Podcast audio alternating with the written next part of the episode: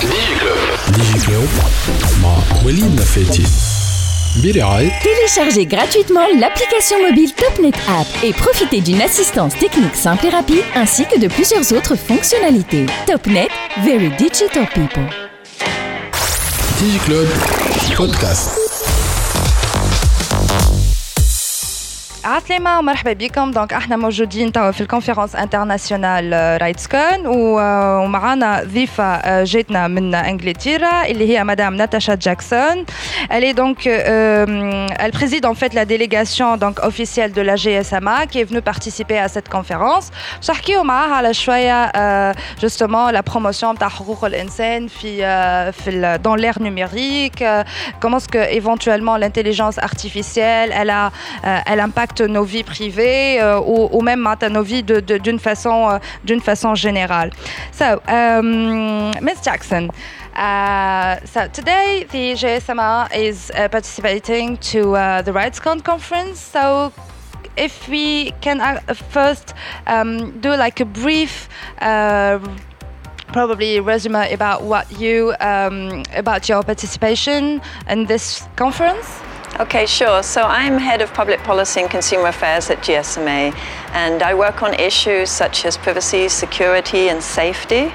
Um, so RightsCon is quite an important community for us to engage with to talk about issues around human rights and the different types of services that mobile operators provide.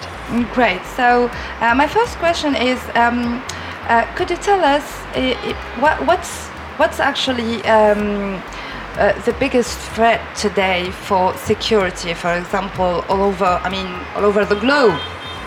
So there are, there are obviously numerous issues with security around the globe. What, at RightsCon, what we're looking at is, um, for example, AI and the worries about human rights impacts um, from AI. And interestingly, um, we, from a telecoms perspective, the, perhaps the use cases that we're using with AI are not as interesting, um, perhaps, as some of the other ones that are out there at the moment. We're at the start of the of the sort of business with that, and we're really looking at AI in terms of how it can improve our network efficiency and optimization.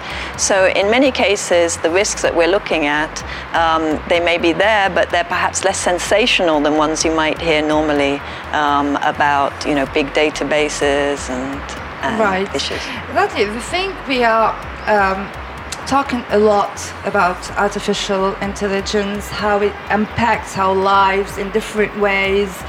Could we consider this as a threat? Maybe, I don't know, today or in the future? I think the, the way to look at it is to look at it as risks or individual. So, particularly where there are risks that are there that might be amplified, um, such as discrimination. If there's discrimination within a system, then AI in, possibly could amplify it, and so it could make some risks bigger, depending on how you look at them. And that's why it's really important, from an industry perspective, that we look at impact assessment and looking at what those risks might be before we design some of these technologies. And that's the approach that we take. Great. Um, and as the GSMA, is there any specific programs, or I mean, you're, you're, you're actually developing to work on these issues and find solutions for kind of issues? So at GSMA, we work across a whole number of different issues, and we work with our members, who are the mobile operators, to learn from them what are the sorts of issues and challenges they have, and share that. We share that experience between them um, to see what we can do for engagement with governments, for engagement with civil society, and the issues can range across a whole number of different um, topics. But we also look at some of the um, the more positive sides um, and rights. For example, we look at how young people can be empowered by mobile technology. So not just their rights to be protected, but also the rights that they have to express opinions, to have access to information, to play, and those sorts of things. So it's it's not always the negatives. Also, there's a lot of positives that we look at that are rights based. Great. And um, I mean, for, for the end of this interview, is there any message you, you, you want to deliver to the audience? A specific message, probably? Who is the audience that we're targeting? Um, entrepreneurs, uh, geeks, uh, engineers. Okay. So I think the really important thing for businesses, no matter how small or large they are, is to think of the impact on consumers, on citizens from the products and services they're designing. And if they design privacy um, in from the beginning, if they think about the impacts that their services might have, not just the obvious ones, but maybe unintended consequences from their pro- uh, products and services, and devi- design it in from the beginning, mm-hmm. that's always going to have the best results for consumers and citizens. Great, thank you so much. Digi Club Podcast برعاية توب نت very internet people قبل ما نرجع لدي جي كلوب حبيت نذكركم اللي كان تحبوا تتعلموا l'anglais avec une méthode flexible, personnalisée et adaptée à vos besoins, l'enseigne internationale Wall Street English Tunisia vous donne cette opportunité. Pour en savoir plus, connectez-vous sur la page Facebook Wall Street English Tunisia. Wall Street English, the way to learn English for busy adults. دونك أستاذ محمد أنا a bit curious actually. uh, يعني نعرفوا إنه يعني أنا I've been I've been working for lots of press agencies. يعني انه اللي يوصلنا على الوضعية نتاع حقوق الإنسان يعني في في البحرين يعني إنه الوضعية شوي صعيبة. بس نحب نعرف إنه آه اليوم يعني كيفاش انت تشوف الوضعية وهاو هاو يعني organizations يعني like yours يعني نجموا ينجموا يساهموا باش يطوروا الوضعية أو يحسنوها؟ أنا أعتقد آه، وضع البحرين آه، مختلف آه، بشكل كبير عن أوضاع المنطقة بشكل عام. البحرين هي دولة صغيرة في منطقة متراكمة من الخلافات السياسية. البحرين مكان للمواجهات السياسية بين دول مختلفة. ولهذا وضع البحرين سياسيا مختلف. ولكن لو نقرأ تاريخ البحرين هو تاريخ قائم أساسا على الاحتجاج احتجاجات من أيام آه، السبعينات لما تم إيقاف آه، العمل بالدستور. آه، اليوم المنظمات الدولية هي ليست قائمة بذاتها ليست هي المحرك الرئيسي لما يجري في أي منطقة في العالم. هي فقط داعمة ومساندة إلى هذه التحركات. اليوم الواجب الواقعي لازم يكون على على على الشعب على الناس داخل المنطقة داخل البلد نفسه أنهم يتحركون ويقومون ب آه، يجب القيام به. إحنا فقط ندعم هذا التحرك آه، نساهم نكشف الانتهاكات نحاول بقدر الإمكان نقوم بإصلاح ما يمكن إصلاحه لأن اليوم أنت ما تريد تحول نضال شعب إلى نضال عسكري إلى نضال عنفي ولهذا هذا دور المنظمات. وأنا أعتقد أن المنظمات الدولية والمنظمات الإقليمية أو حتى المحلية قاعدة تقوم بهذا الدور بشكل جيد وقاعدة تحاول بقدر الإمكان أن هي تعالج هذه المشاكل. ويبقى اليوم يبقى أن الإعلام ياخذ دوره لأن الإعلام آه، أصبح اليوم هو وسيلة حقيقية آه، لنشر ما يجري في البحرين أو في أي منطقة أخرى. ولكن للأسف الإعلام غير محايد الإعلام غير واضح في توجهاته الإعلام هو أساسا آه، مسيس وهذا الإعلام ما قاعد يساهم بشكل كبير في تعزيز الوضع في البحرين. يعني أنت تقصد الإعلام المحلي أو الإنترناشونال؟ أنا أعتقد آه، كل إعلام ما ياخذ قضية نفس قضية البحرين أو قضية حقوق الإنسان بمنظور آه، محايد ومنظور حقيقي. اليوم أنا ما مو مطلوب مني أنا أكون محايد في حقوق الإنسان بمعنى أن أنا أجيب الضحية وأجيب الجلاد في نفس المكان. لا أنا أعطي صوت للضحية لأن الضحية على مدى سنوات طويلة ما كان له هذا الصوت. شكرا. أهلا وسهلا. دي كلوب بودكاست. برعاية Topnet very internet people. أستاذ علي باهي أنت donc جيتنا من لبنان باش تشارك في ال RightsCon آه، في في تونس. باش نرجع شوية لتالي bon إحنا عملنا لك interview يعني قبيليكا بس نحب نرجع شوية كمان لتالي لو تقدم لنا نفسك وتحكي لنا شوية شنو تعمل بالضبط؟ آه، أنا علي السباعي من آه، من لبنان مدرب عن الامن الرقمي لعدة سنوات. حاليا أنا بتونس لأحضر RightsCon وبالتالي كمان عم بعمل بحث عن أهم المواقع الموجودة بتونس بعدة مواضيع من مواضيع الجاملة مواضيع القمار مواضيع مواقع ال LGBT مواقع ال social media العادية مواقع الأخبارية. حتى نقدر نتدارك في حال صار في أي تحرك أو أي تغيير بالوضع السياسي بتونس. ويكونوا هول المواقع موجودين على لائحة معينة يلي ممكن نعرف إذا هول المواقع بعد فترة معينة أو حاليا هم هول المواقع محجوبة داخل تونس أو لا. هو بالنسبة لنا بحث مهم لأنه ممكن يدل على قديش انفتاح الدولة من ناحية عدم الحجب والإتاحة المعلومات للجميع.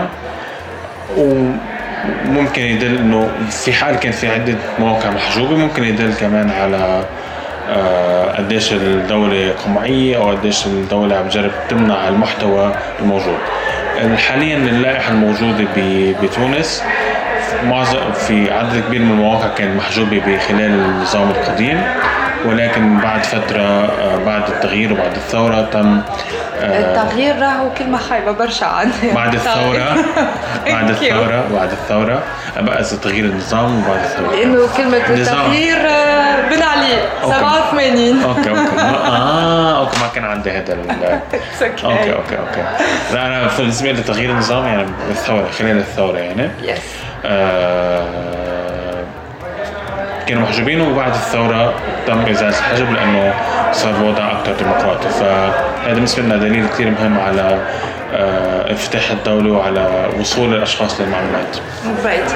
يعني باهي كان يعني ال application هذايا يعني انت déjà يعني تستعمل فيها في في لبنان وبرشا بلدان أخرين. كان قلنا شنو هما البلدان الأخرين اللي تنجم يعني تستعمل فيهم ال application هيدي ال application ممكن تستعمليها بأي بلد okay. بالعالم okay. آه هي اسمها OONI OONI Probe هيدي ال application ممكن تم استعمالها بأي بلد بالعالم مجرد تنزليها على ال Android ممكن تعملي تحليل. فبكون في عدة مواقع موجودة على هيدي اللائحة.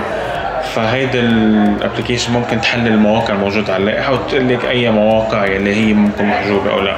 معظم البلدان يمكن العربية ممكن يكون محجوب مواقع آه، إباحية أو pornography حديثا بلبنان تم منع application اسمها Grindr اللي هي مواعدة لمثلية الجنس آه، فممكن مثلا بلبنان كمان. في كل المواقع الخاصة بالمقامرة على الأونلاين كمان online gambling ممنوعة. في مواقع دينية ممنوعة.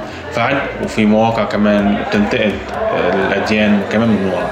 ففي عدة آه، فهول كل كل المواقع موجودة على اللائحة ونحن ممكن نحلل دائما هول المواقع آه، إذا محجوبين أو لا. استعمال ال application لازم يكون داخل البلد من IP داخل البلد حتى تعرف فعليا إذا هذا الموقع محجوب أو لا. أوكي.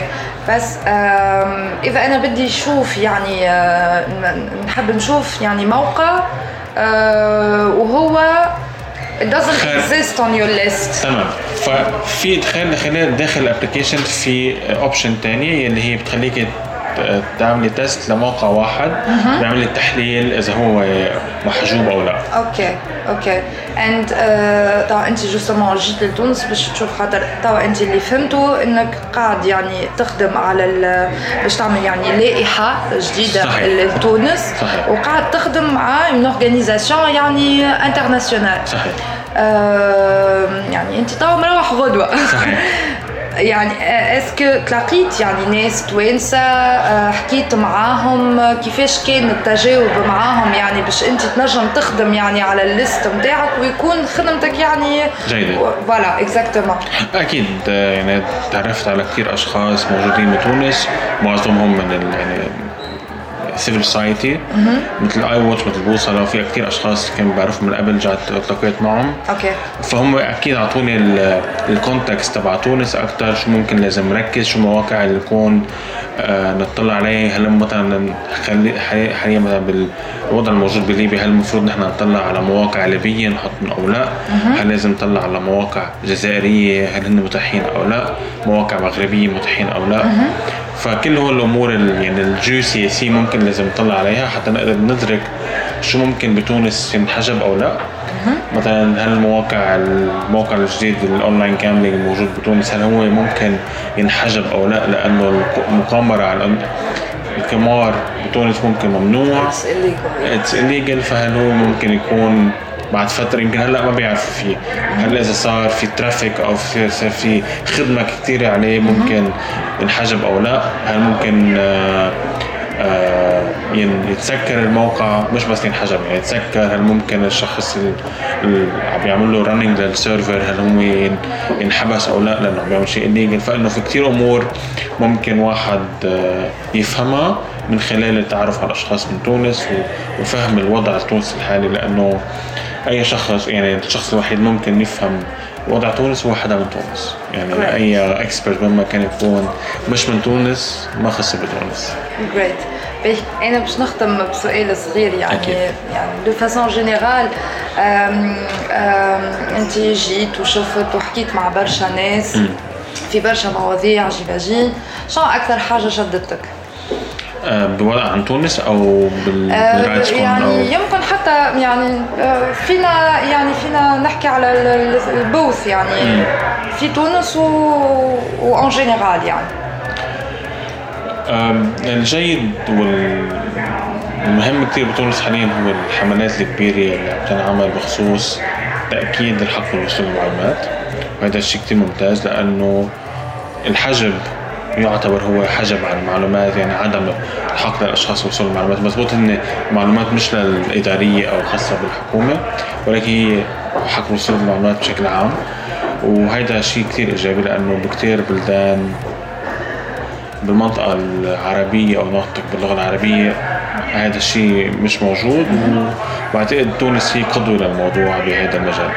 ميرسي بوكو يعيشك شكرا دي جي كلوب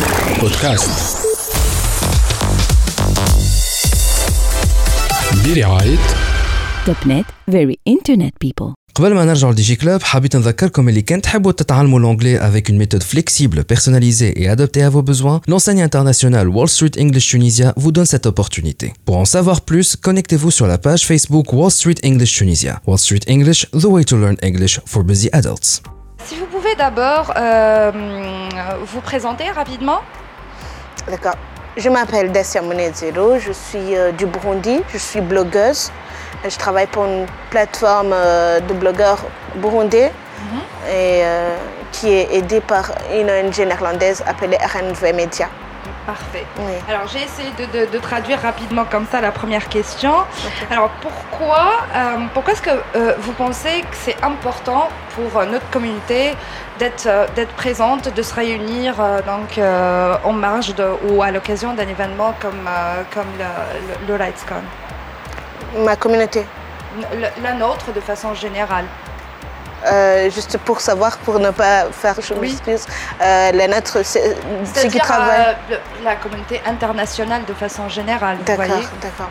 Alors, je trouve que c'est très important parce que on parle, on partage des problèmes qu'on rencontre dans différents pays et parce que finalement on trouve que ce sont les mêmes problèmes. Et quand donc on partage des problèmes, on partage aussi les les voies de sortie qu'on peut utiliser, les solutions qu'on peut mettre en place pour euh, sortir de ces problèmes.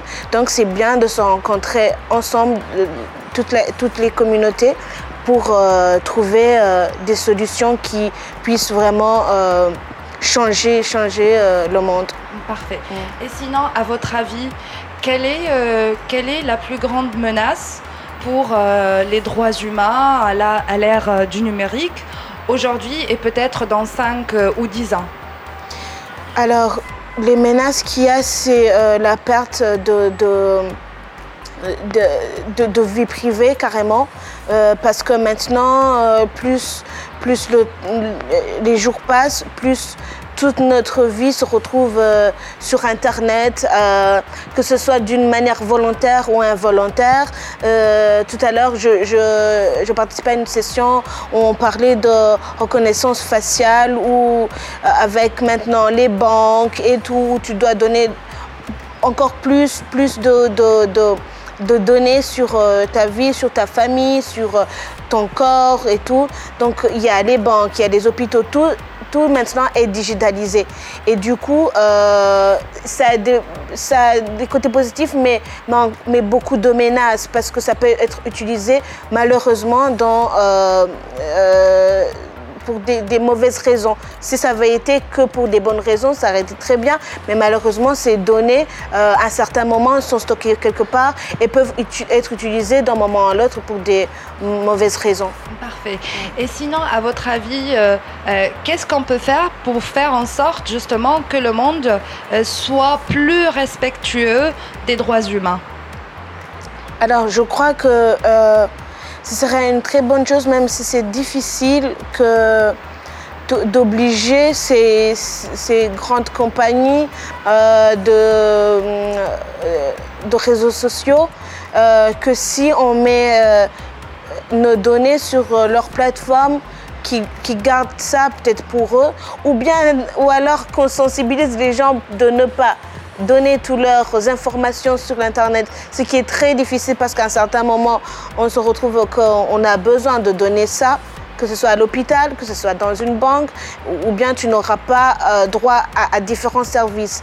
Donc, il faut trouver un terrain d'entente pour euh, dire d'accord je donne ça mais ça va rester dans, dans cette marge et parce que même ces personnes qui sont dans, dans ces grandes compagnies de, de, de, réseaux sociaux et tout ça ce sont des, des, personnes qui eux aussi à un certain moment vont se retrouver dans, cette, dans, cette, dans ce piège de, qui, qui, que, que leurs données soient utilisées dans, dans, des mauvaises raisons. Donc je crois qu'il faudrait que tout le monde se rende compte que c'est gagnant-gagnant quoi c'est gagnant-gagnant. Parfait.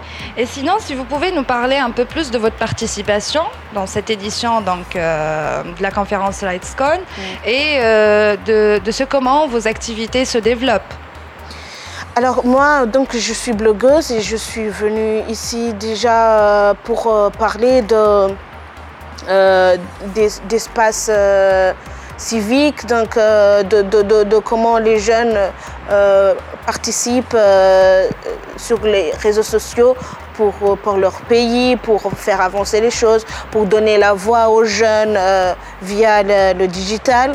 Et donc euh, j'ai déjà participé à plusieurs sessions très intéressantes où j'ai partagé comment on fait chez nous au Burundi, malgré tous les problèmes, la guerre, les, conflits politiques et tout, comment on parvient à, à avancer, à donner la voix aux jeunes pour qu'ils puissent parler avec les leaders. Et donc j'ai j'ai pu aussi avoir des, retours de, comment les autres ils font, des problèmes que les autres rencontrent. Et, je trouve que c'est super intéressant parce que, parce que je me rends compte qu'il y a des problèmes qu'on a en commun, euh, surtout par exemple les, droits des femmes journalistes. Ben, même si blogueuse, c'est un peu un peu pareil que journalisme, sauf quelques nuances. Donc, euh, les problèmes qu'ils rencontrent et comment ils arrivent à s'en sortir, essayer de s'en sortir, euh, ça, va m'aider dans mon travail après. Euh, moi aussi, j'ai donné des exemples de comment on travaille chez nous et ça a inspiré des gens avec qui j'étais dans dans, dans, dans les sessions. Ils ont dit, d'accord, on va nous appliquer ça chez nous, ça pourrait marcher.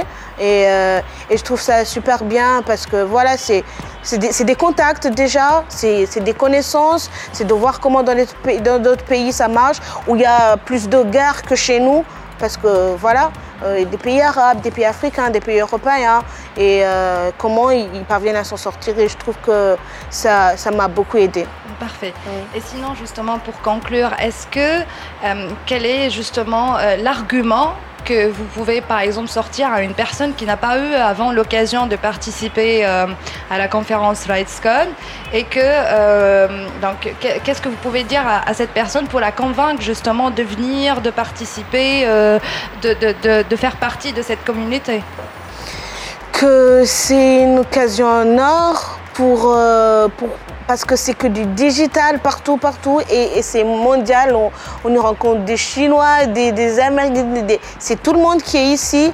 Et, si tu restes dans ton coin, pensant que ce que tu fais, c'est bien, et euh, euh, tu ne vas pas avancer. Et donc, c'est bien d'aller, de, rencontrer des gens face à face parce que le digital, même si c'est des gens derrière les écrans, ça reste digital.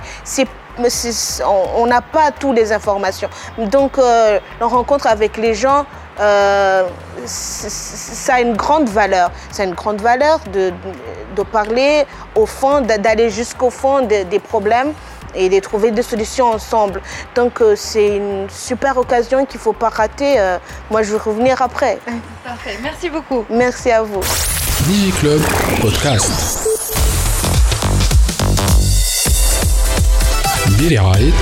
Topnet, very internet people.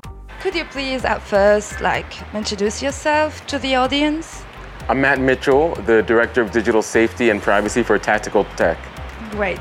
So, uh, to start with the first question, why do you think it's important for our community to come together at RightsCon? RightsCon is the personification of the internet. You can follow me on Twitter, but at RightsCon, you can follow me to lunch. We can have a real conversation, eye to eye, face to face, and I can uh, talk to you without any worry about the downside of technology or negatives of technology. Great. And uh, what do you see as the biggest threat to human rights in the digital age, like for the next five, ten years? The biggest threat to human rights is uh, people using technology, weaponizing technology to fight against and destroy democracies. A lot of the advances that people fight for, especially in this region, can be pushed back very quickly. Uh, the promise of technology to raise up the people's voices are now being used by those in the seats of power and those with money to silence them. Great. And um, what brings you hope about the uh, the future? Is there any anything that you think is significantly helping to make the world more rights respecting? You can't go to RightsCon and not have hope in the future. The panelists, the conversations, the people here, the fact that we're all willing to travel once a year to come together to move things forward it's a game of inches or I would say centimeters, and it's not um, something that we can do quickly it's a long, long struggle, but I feel like we will always win long as these people are doing their jobs. Okay, great. Mm-hmm. Um, the last one. Yeah. so, if you actually give um, give someone who has never been to RightsCon uh, one reason to uh, to come next year, what will be this reason? Community here at RightsCon, you realize you're not the only one trying to do this good work where you are. You're surrounded by people who are doing the exact same things. Maybe they've dealt with the issue you have five years ago, and they can tell you or advise you or help you in some way. Right, thank you. Thank you. Merci, merci. Digi Club Podcast. برعاية Topnet, very internet people. so, Ustad Mohammed, could you first please introduce yourself briefly? Sure, my name is uh, Mohammed Najam. I'm from SMEX. We're an NGO that focus on the intersection of technology and human rights. We're based in Beirut and we focus on the Arabic speaking countries. Great. So, could you tell us more about your participation at the uh, RightsCon conference? Yeah, uh, I've been to RightsCon 2011 I was part of like the 300, 400 people who were there. Now I've seen RightsCon being 3,000 people. Uh, it's 10 times more, uh, which is great. It means uh, the community is growing very fast. And also it means that there's more and more threats happening on digital rights on the global level, on region, of course, and the global level. So we're all here to participate and discuss and debate all the intersection that's happening, all the issues that we need to tackle and to discuss about. Great. So, um, could you tell us what's actually nowadays the biggest threat for uh, digital rights, probably in the, uh, let's say, MENA region and all over the globe? Sure. I mean, when it comes to our region here, uh, I really feel the threat is increasing when it comes to freedom of expression. We have a lot of challenges. We have seen a lot of people going to jail, going to detention. Uh, recently, we've seen a law in Bahrain that uh, restrict people from even uh, liking a page or following a Twitter account. Uh, this will criminalize them. So basically, the civic space is closing more and more, uh, and that's the biggest issue around freedom of expression. When it comes to the global level, of course, freedom of expression is an issue, but also we have other issues like digital ID or biometric ID. This is the biggest challenge because now we have seen a lot of governments trying to adopt the, those kind of identification, and this is a big threat if they don't take human rights in consideration. Great. And what could we do about that? Yani, to make the world um, be more res- um, kind of uh, human rights respecting? I think for our region, one of the main challenges that we, we have is we're not really talking about these issues critically. We're not talking about the technology in a critical way. RightsCon is a great opportunity, but RightsCon is a global event. Uh, uh, for example, us as an organization, we started Bread and Net. It's, a, it's an event that also talk about technology in a critical thinking way, uh, taking consideration human rights, society, and all that. So we need to talk more about these issues. We need to engage more with different stakeholders. Uh, we need to get more uh, technologists involved, more uh, lawyers, judges involved. Uh, there's also good people within governments that we need to engage with. People in Tunisia, of course, in Lebanon. Like there's a lot of uh, common things. So we need to spread the network uh, to actually reach our goals. Aujourd'hui, on, parle justement de, plusieurs menaces mhm. euh, et, que concrètement, il y a quand même des solutions hein, qui peuvent e-, être euh, mises, en œuvre pour euh, contrer ces menaces-là. Que ce soit dans la région, donc on va dire du Moyen-Orient, mm -hmm. l'Afrique, ou la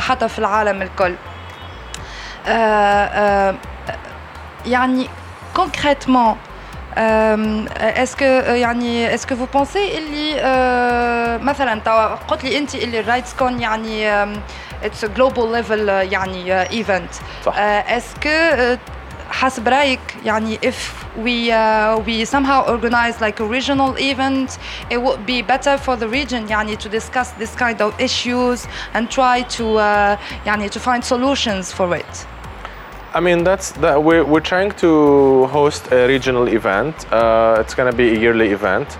I mean, it's, it's, it's one of the solution, right? I mean, there's, there's no silver bullet solution for everything.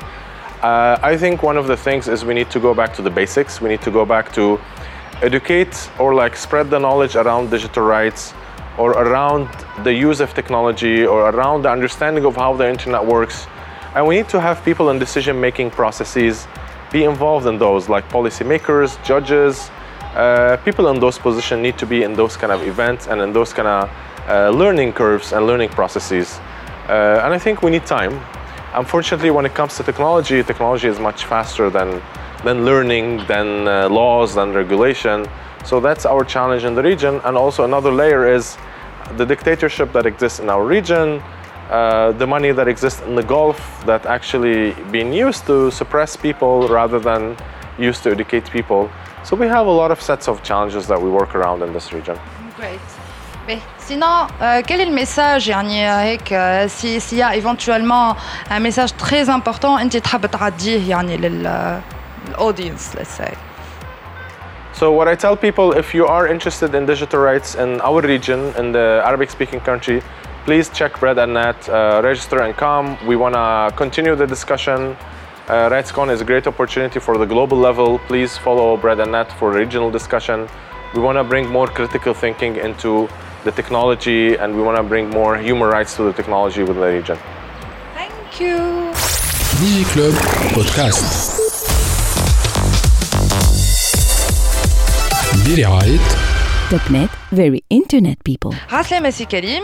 Donc كانت نجم تقدم لنا روحك شوية وتقدم لنا justement Article 19 éventuellement تفكرنا بشنو تعملوا بالضبط.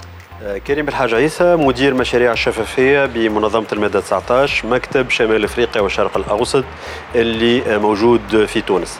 منظمة المادة 19 تشتق اسمها ديجا من الفصل 19 للإعلان العالمي لحقوق الإنسان وهي تدافع على حرية التعبير حول العالم والحق في الحصول على المعلومة.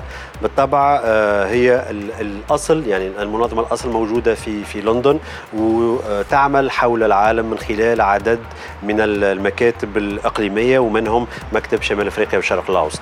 parfait. Mais ah, attends euh, euh, en marge de, la conférence euh, internationale RightsCon, elle fait la promotion, des droits de l'homme, à l'ère du numérique. justement, un tour beaucoup de sessions, donc rapidement, les highlights justement dans les sessions que ce soit ou le آه، بالطبع منظمة المادة 19 من خلال المكاتب نتاعها عندها عديد الحصص في التظاهر هذايا أكثر من 12 آه، يعني حصة لمنظمة المادة 19 آه، انطلقت الأعمال نتاعنا من خلال اليوم الصفر.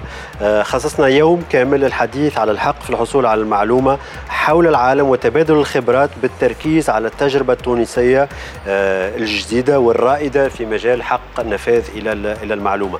وتواصلت الأعمال نتاعنا من خلال حصص حول الجرائم الإلكترونية حول ال ال يعني الوسائط الجديدة للإعلام آه، وحول الحق في التظاهر آه، مثلا عديد المواضيع اللي تناولتها مكاتب منظمة المادة 19 بارفي باهي جوستومون أنا نحب نرجع على التجربة التونسية وفي آه، الحق في النفاذ للمعلومة. يعني اسكو إحنا إحنا وين بالضبط اليوم؟ وين نجموا معناها؟ أو اسكو بو سو سيتوي بارابور كو سو سوا للافريك للموين اوريون ولا حتى للعالم معناها بصفة عامة؟ آه، إحنا ساعة إذا نحب نمثلوا آه، تجربة التجربة التونسية في مجال نفاذ المعلومة ولا نشبهوها برحلة جوية إحنا ما زلنا في مرحلة الإقلاع وهي أصعب المراحل في الرحلة الجوية. لكن هذا ما يمنعش أنه تجربتنا التونسية على الأقل في منطقة شمال أفريقيا والشرق الأوسط وفي عديد ومقارنة بعديد الدول الأخرى هي تجربة ناجحة ناجحة بالرغم من صغر سن التجربة هذه اللي ما تجاوزتش السنتين إجمالا وسنة على انطلاق هيئة النفاذ المعلومة في العمل نتاعها.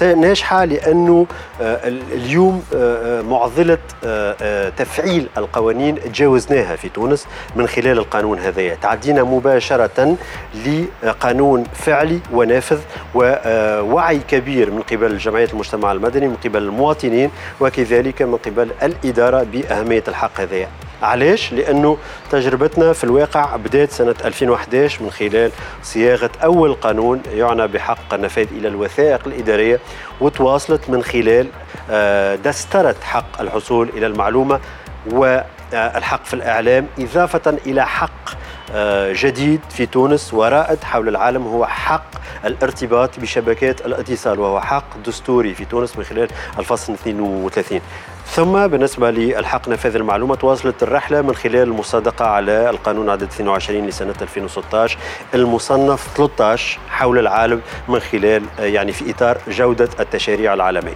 Parfait به توا عندنا قانون وعندنا منظمات ناشطة. جونا به what's next Next next هو الإقرار النهائي بالحق هذا اليوم يلزمناش نخبيو إنه هيئة النفاذ إلى المعلومة مثلا اللي هي الضمانة الأساسية آه، والمؤسساتية لتفعيل الحق. هذه الكل ما زالت تشكو من عديد الصعوبات. صعوبات هيكلية تتعلق بالمصادقة على قوانينها الداخلية على إقرار ميزانية خاصة ويعني آه، آه، مهمة بقدر أهمية هذا الحق في في في تونس. صعوبات زاد في تعميم الاعتراف بحق النفاذ إلى المعلومة في الإدارة التونسية و مواصلة الجهود اللي انطلقنا فيها مع منظمات المجتمع المدني في تونس لتكثيف الجهود لأنه فما وعي من الجمعيات لكن تكثيف الجهود. كيف كيف؟ وهذا من خلال برامج منظمة المادة 19 حق النفاذ إلى المعلومة ماهوش معزول على حقوق الإنسان الأخرى. ولذا العمل نتاعنا في المدة الجاية باش يتركز على توطيد الصلة بين حقوق الإنسان الأخرى كما الحق في الصحة الحق في التعليم الحق في الارتباط بشبكات الاتصال بحق النفاذ إلى المعلومة والرقمنة في وسط هذا الكل؟ الرقمنة الرقمنة حاجة أساسية. حاجة أساسية آه، في هذا الكل. أولا لأنه الغاية الأسمى من آه، النفاذ المعلومة وقانون نفاذ المعلومة هي آه، بلوغ أقصى درجات الإفصاح. وبلوغ درجات الإفصاح أقصى درجات الإفصاح يعني النشر التلقائي وتوسيع نطاق النشر التلقائي عبر شبكات الاتصال وشبكة الويب بالخصوص. وهو ما يقتضي رقمنة الإدارة. وأهم من هذا إعادة التفكير في تنظيم الإدارة التونسية على ضوء تدفق المعلومات ليس من خلال وليس من خلال التنظيم الهيكلي الكلاسيكي. Parfait شكرا سي كريم يعيشك. يعطيك الصحة. DigiClub Podcast برعاية Topnet very internet people Madame هاجر كانت تقدملنا روحك؟ أنا هاجر طرابلسي عضوة في هيئة النفاذ إلى المعلومة في تونس. آه، لكن زاد ناشطة في الجمعيات نرأس جمعية لكن في مجموعات أخرى. آه، ناشطة ندافع على الحق في المشاركة العامة وفي الشفافية.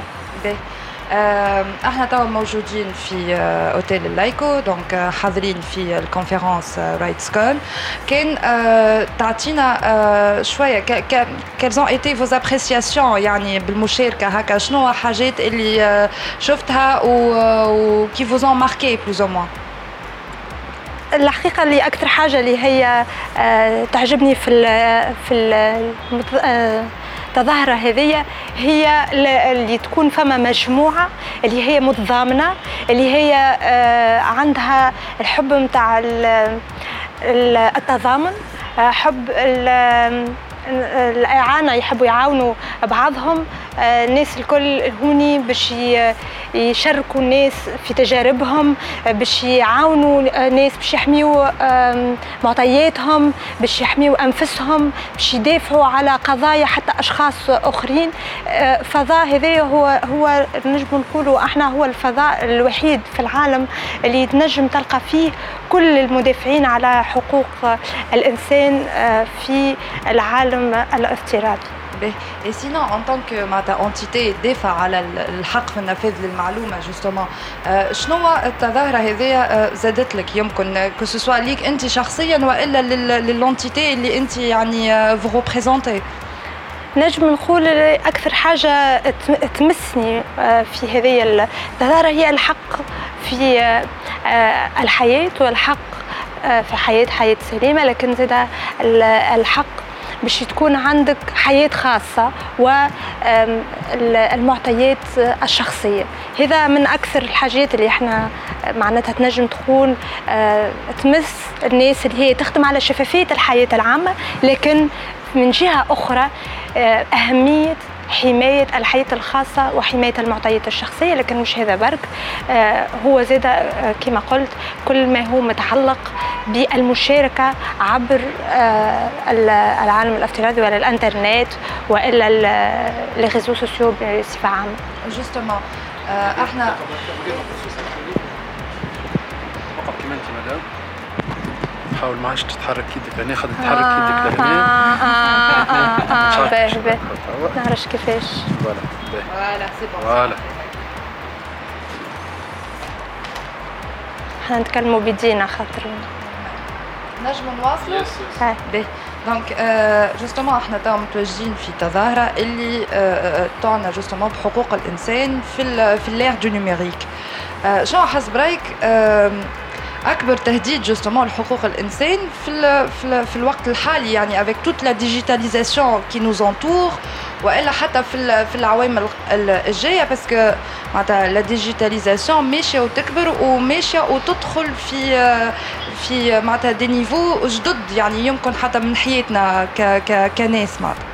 إحنا نجم نقولوا اللي الأدوات هذه اللي نستعملوا فيها إحنا في حياتنا اليومية هي فرصة لنا إحنا آه باش نستعملوا اليوم آه هذوما les réseaux sociaux باش نستعملوا لي زابليكاسيون اللي هما يسمحونا باش نتكلموا باش نتواصلوا مع الناس لكن هما يهدوا اليوم في حياتنا دخلونا في حياتنا يتصنتوا في حياتنا يراقبوا آه بالصورة في حياتنا وهذا هو يظهر لي أكثر تحدي اليوم كيفاش نحميو حياتنا وكيفاش نحميو معطياتنا الشخصية.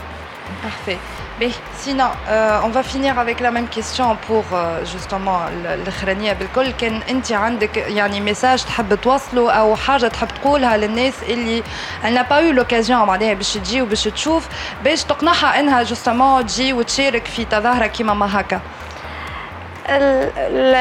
البلاصة هذه ال RightsCon هي فرصة لكل الحقوقيين وكل الزاكتيفيست يعني اللي يناضلوا على حقوقهم باش يجيو يشاركوا ويشاركوا الناس باش يعطيوهم نصائح باش يساعدوهم لكن هما من جهة أخرى ينجموا يكون لهم فرصة باش يتلقاو المساعدة باش ينجموا يسمعوا صوتهم باش يدافعوا على حقوقهم يلقاو هوني مجموعة تسمعهم تعطيهم الأدوات وتكون لهم سند باش يدافعوا على حقوقهم ويدافعوا على القضايا اللي هما يشتغلوا عليها. بارفي ميرسي بوكو يعيشك مدام.